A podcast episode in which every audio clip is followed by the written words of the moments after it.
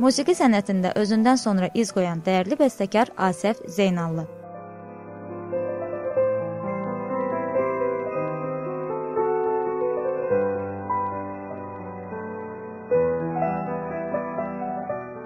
O konservatoriyada ilk professional təhsil alan Azərbaycanlı bəstəkardır.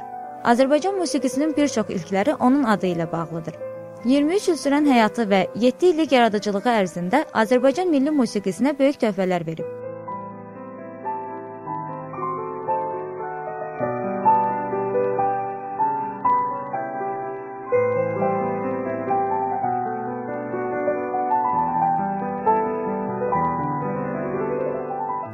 Asəf Zeynalabdin oğlu Zeynallı 1909-cu ildə aprelin 5-i Dərbənddə anadan olub. Onun anası Həsbənd xanım qarmonda gözəl ifa edirdi. Heç şübhəsiz ki, Asəf Zeynallının musiqi istedadı elə anasından qaynaqlanıb.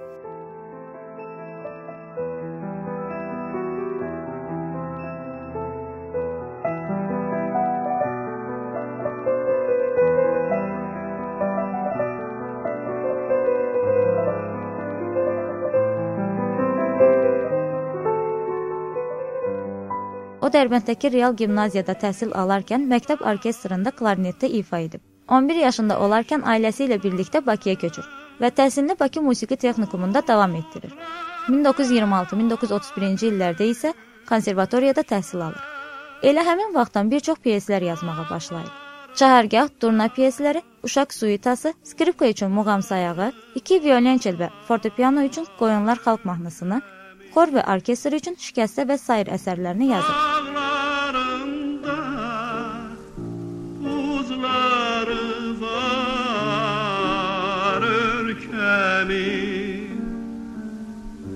Yeyatlarda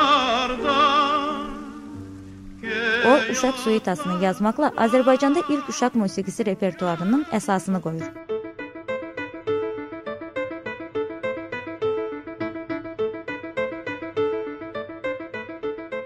Suitaya 6 pyes daxildir. Kuklaların yürüşü, uşaq və buz, rəqs, oyun, qoyunlar, mübahisə. Bəstəkar kuklaların yürüşündə məzəli xarakteri, uşaq və buzda səmimiliyi, rəqsdə cəldliyi, oyunda zarafatyanalığı, qoyunlarda isə sürünü təsvir edir. Mübahisə isə uşaq coşqunluğunu ifadə edir.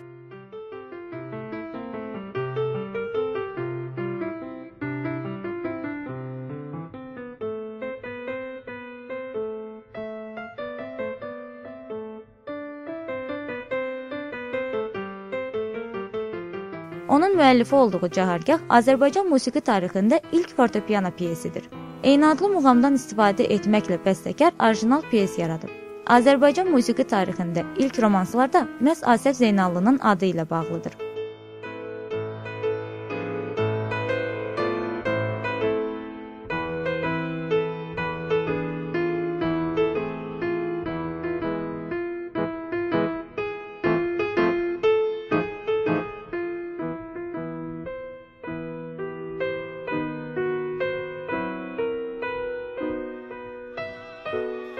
O 20-ci illərin sonu, 30-cu illərin əvvəllərində Ölkəm, Sual, Seyran və digər romanslar bəstələyib. Bu romansların Azərbaycan vokal musiqisinə böyük təsiri olub.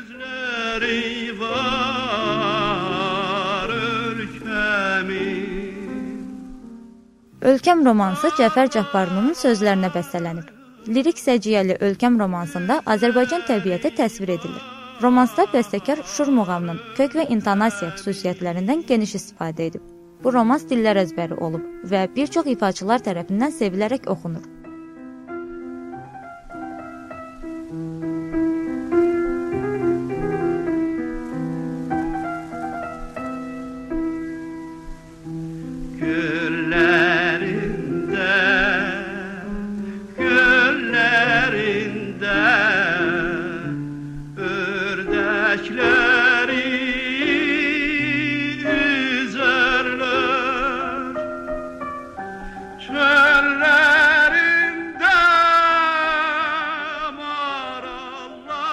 Asəf Zeynallının oxuduğu konservatoriya indi onun adını daşıyan məktəbin ikinci mərtəbəsində yerləşirdi.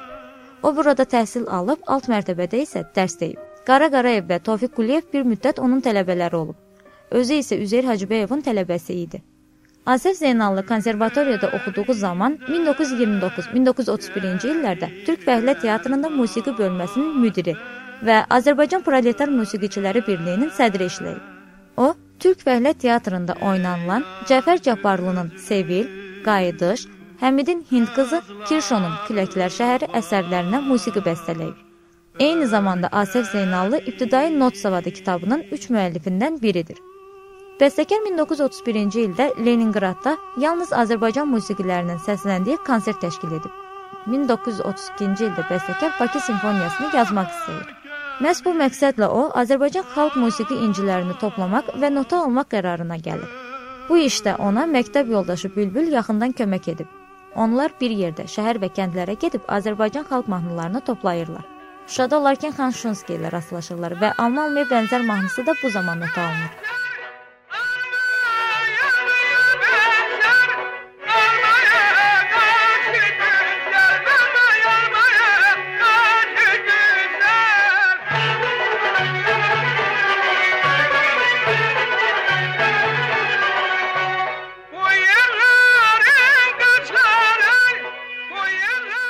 Lakin qəfildən qarın yatalağına tutulan bəstəkar müalicə almaq üçün Bakıya qayıdır.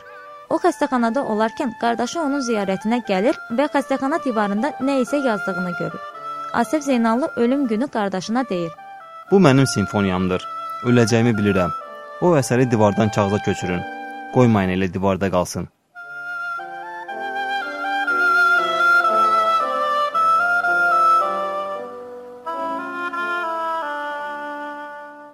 Lakin onun vəsiyyətini heç kim yerinə yetirmir.